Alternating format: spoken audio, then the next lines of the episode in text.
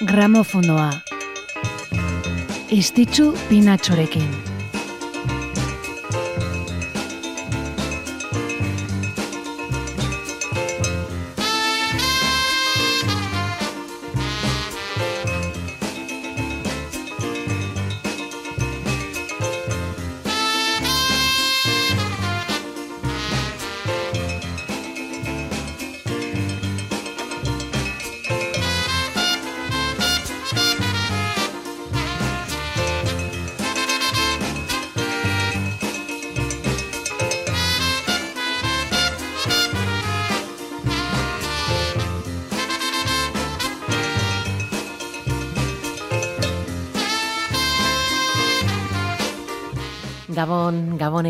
Ongi etorri gramofonora, zer moduz, zer moduz zaudete? Ekainan zeharo murgilduta gaude gu dagoeneko, San Juan bezpera ate joka dugu eta behin suaren bestak lertzen duenean, arrapaladan aletuko zaizkigu ondotik heldu diren ospakizun guziak. Gaur ekainaren hogeita bat dugu eta Ipar Euskal Herrian musikaren eguna ospatzen ari dire. Musikaz eta kontzertuz bete dituzte karrikak eta guk ere gauza bera eginen dugu. Garamofonoa izeneko gure plazatxo honetan ere musikarik onena izanen dugulako. Gaurko efemerideak prez ditugu, beraz, asgaitezen.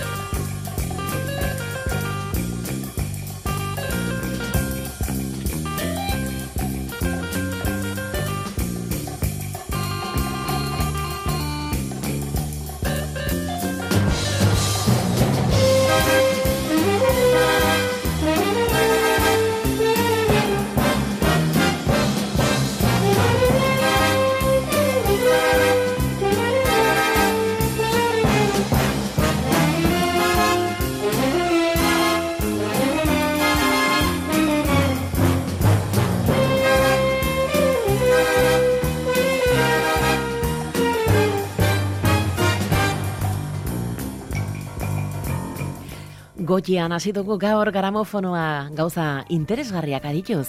Mission Impossibleren soinu bandarekin. Bere ideologoaren urtebetetze, urtebetetzea delako gaur. Lalo Schifrin argentinarrarena. Ditzi Gillespiri esker New Yorkera bidaiatuzun, moldatzaile eta zuzendari gisa lagunduz, eta bertan oi hartzun izugarria izan zun, zinemarako eta telebistarako soinu bandak idazten hasi zenean. Mila bederatzen da hogeita mabian jaio zen Buenos Airesen Lalo Schifrin, gaur larogeita ameka urte bete ditun pianista, moldatzaile, zuzendari eta kompositore argentinarra.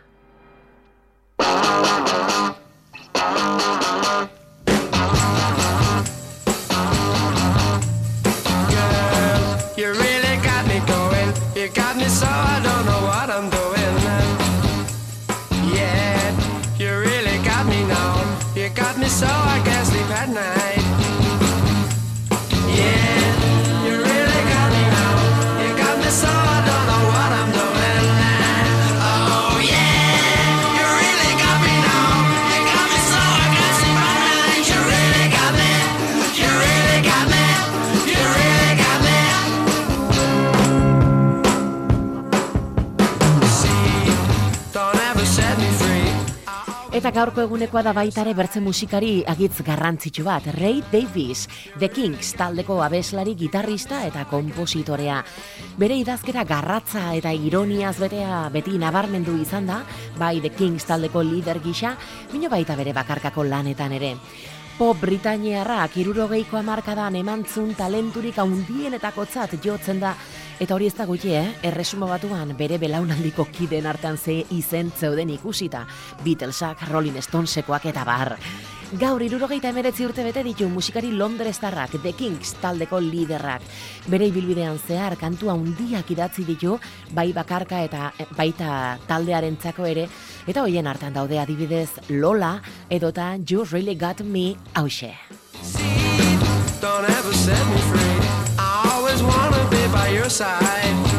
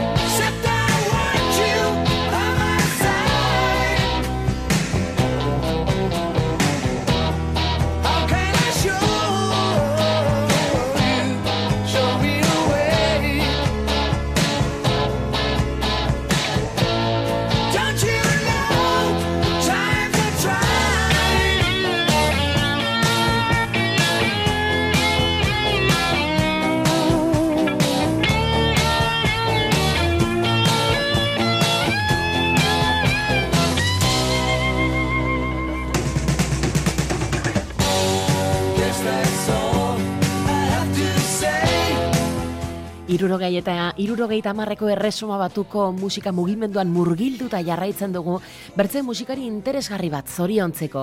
Joey Molan da bera, Badfinger taldeko gitarrista eta beslaria izan zena.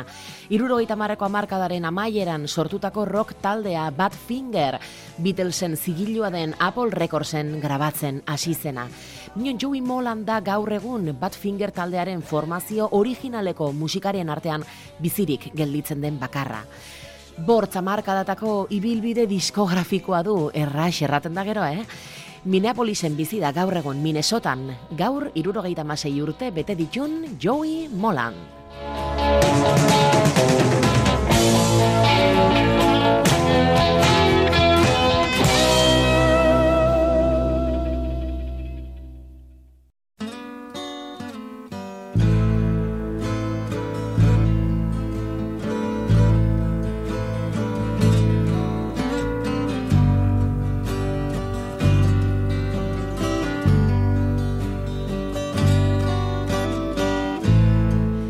Eta hurrengo kantu honekin garai berean segiko dugu, baino kasu hontan estatu batuetara joanen gara. Nils Lofgren ere zoriondu nahi dugulako.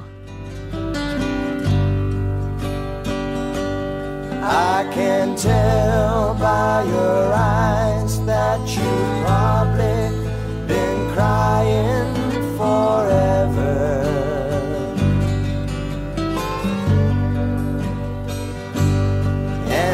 Stars in the sky don't mean nothing to you.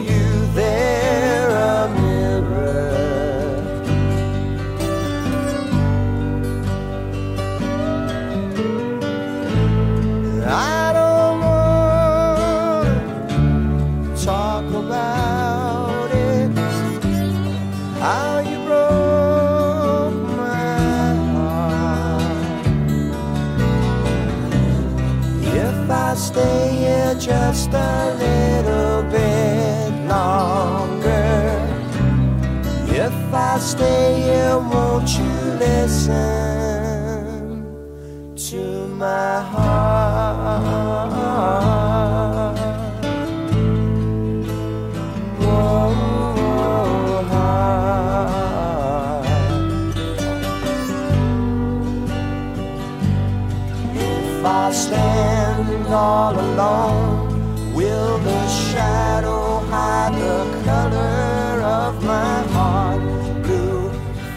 the tears, black for the nights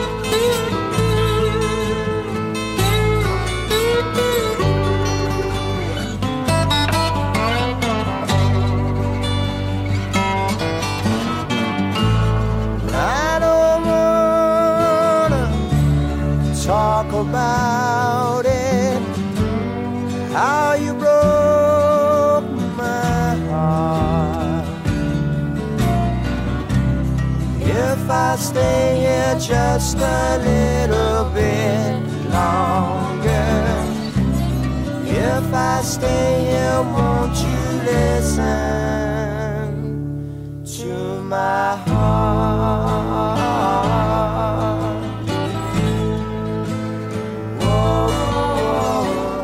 Zoragarria kantua I don't want to talk about it. Ez dut hortaz solas egin nahi. Nils Lofgren zoriontzen ari gara musikari estatu batuarra Chicago, Illinoisen jaioa. Bruce Springsteenen E Street bandeko gitarrista eta kompositoria izateagatik ezagun egintzena, eta Neil Jaunen Crazy Horse edota Green taldeen sortzaileetako bat izateagatik. Amazazpi urte zitula, hasi zen Neil Jaunen Crazy Horse taldean jotzen, beranduago Green taldeari forma eman zion, eta irurogeita mabortzean egintzun bakarkako debuta. Bino egia erran bere diskoak eh, kritikak goraipatu bazitun ere, eta amarkadako rokaren promesarik haundienetako tzat joarren, arrakastak etzion inoiz lagundu, etzun publikoaren aldetik merezizun erantzunik jaso, Eta azkenean, larogeita lauan, Bruce Springsteenen E String bandarekin bat egintzun gitarrista gisa. Arrezkero bere bakarkako diskoak, ba, tantaka, aletu izan dire. Horixe ba, Nils Lofgrenek gaur irurogeita ameka urte bete ditu. Gramofonoa. Istitzu pinatxorekin.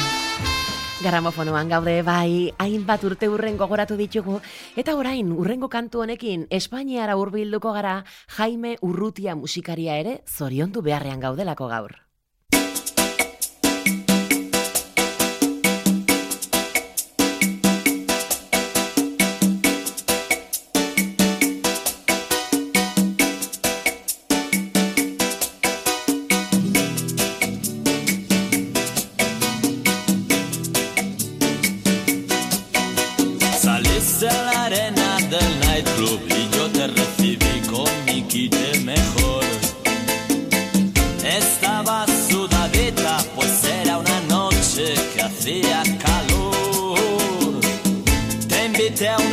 Y tú me endosaste el primer revolcón. Tenías querencia a la barra y tuve que tomar tres puñazos de ron. Para sacar Madrilen jaio zen Jaime Urrutia mila bederatziron da berrogeita emezortziko ekainaren hogeita batean. Laro gehian hasi zen grabatzen, ejekutibos agresibos izeneko taldearekin, mino bizitza motza izan zun bandak. Urren gurtean, gabinete kaligari irukoteari forma eman ziolako Jaime Urrutiak. Atzean aditzen dugun kantuak bezalakoak eginez. Larogeita emeretzigarren urtera arte aritu ziren gabinete kaligarirekin eta Jaime Urrutiak abestu, gitarraio eta konposatu egiten zon. Taldeak pop espainiarraren historiako abesti eta disko gogoangarrienetako batzuk utzi zitun. Hauxe, adibidez, La culpa fue del cha-cha-cha, gabinete kaligari. y aclamaciones de satisfacción. La culpa fue del cha-cha-cha,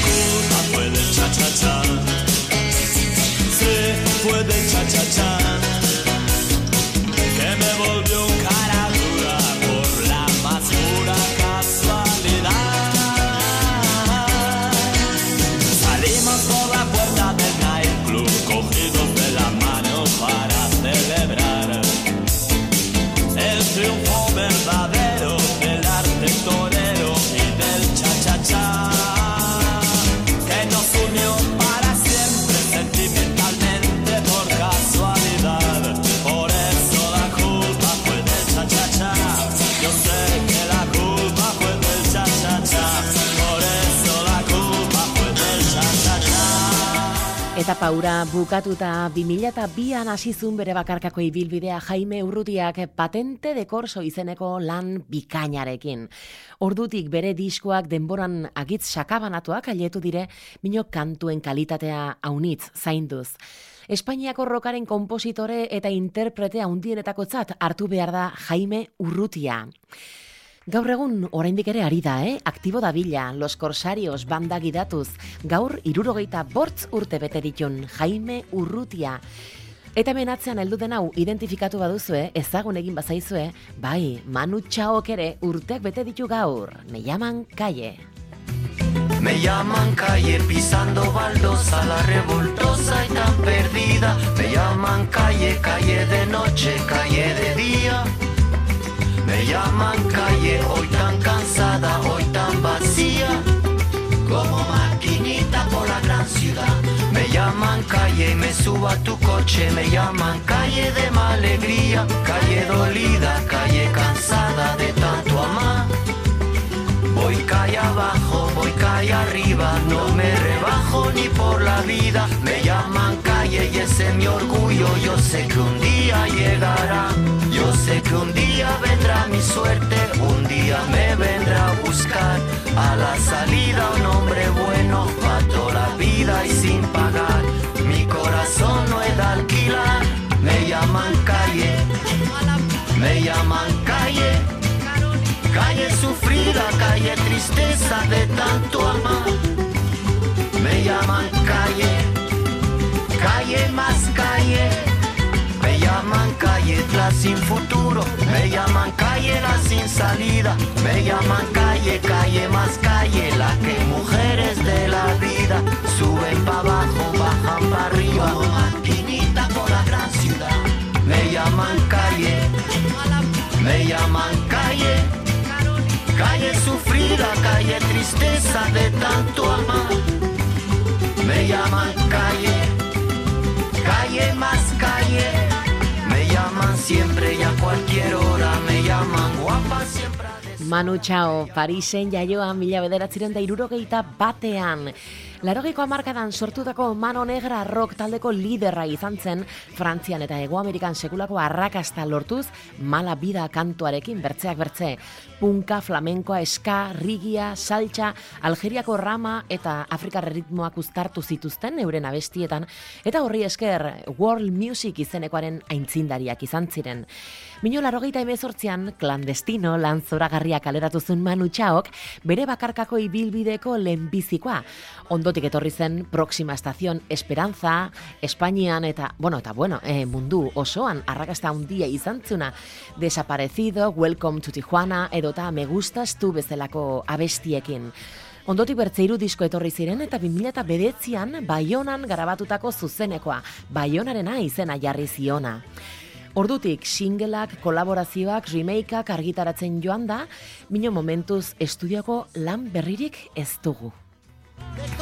Llaman calle, me llaman calle.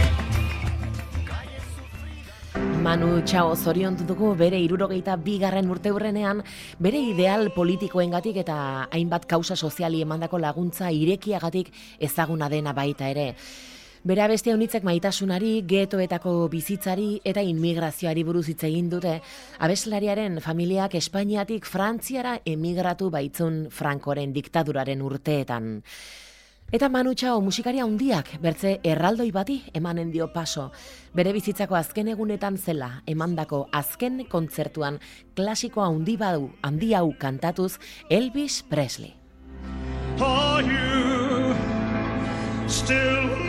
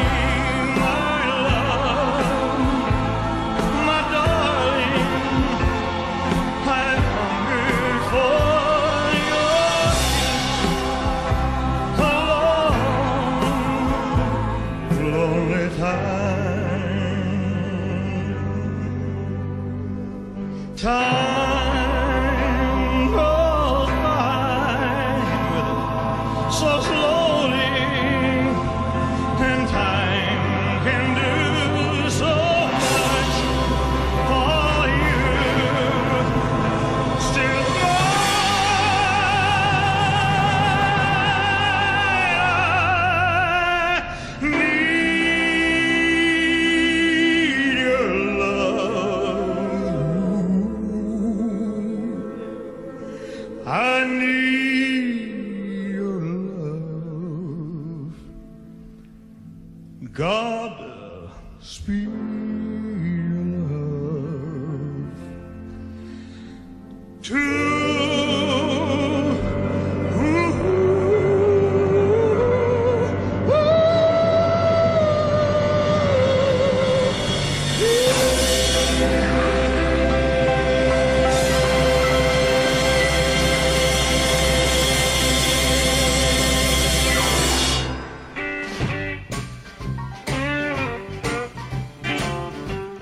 Gaur bezalako egun batez, mila bederatziron da irurogeita mazazpian, Elvis Presleyk bere azken kontzertua emantzun.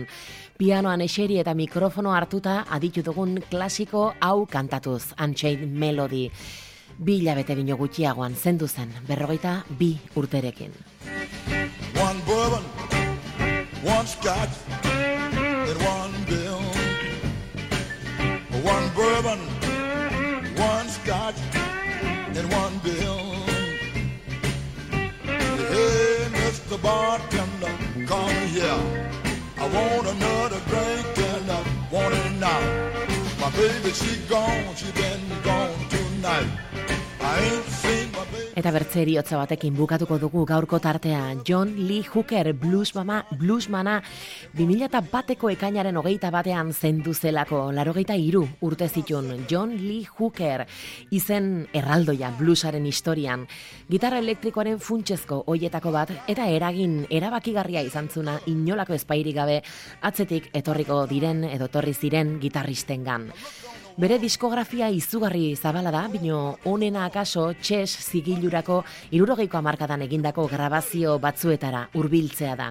Guk hoietako batekin bukatuko dugu One Bourbon, One Scott, One Beer kantuari egindako moldaketarekin. Irurogeita seian argitaratutako The Real Folk Blues diskotik ateri duguna.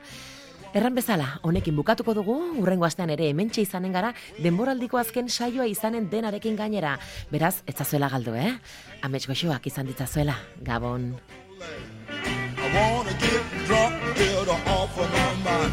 One bourbon, one scotch, one bill. And I sat there, getting high, stoned, knocked out. And by that time, I looked on the wall at the old clock again. And by that time, was a quarter to two. The last call for alcohol. I said, hey, Mr. Bartender, what do you want? One bourbon, Baby.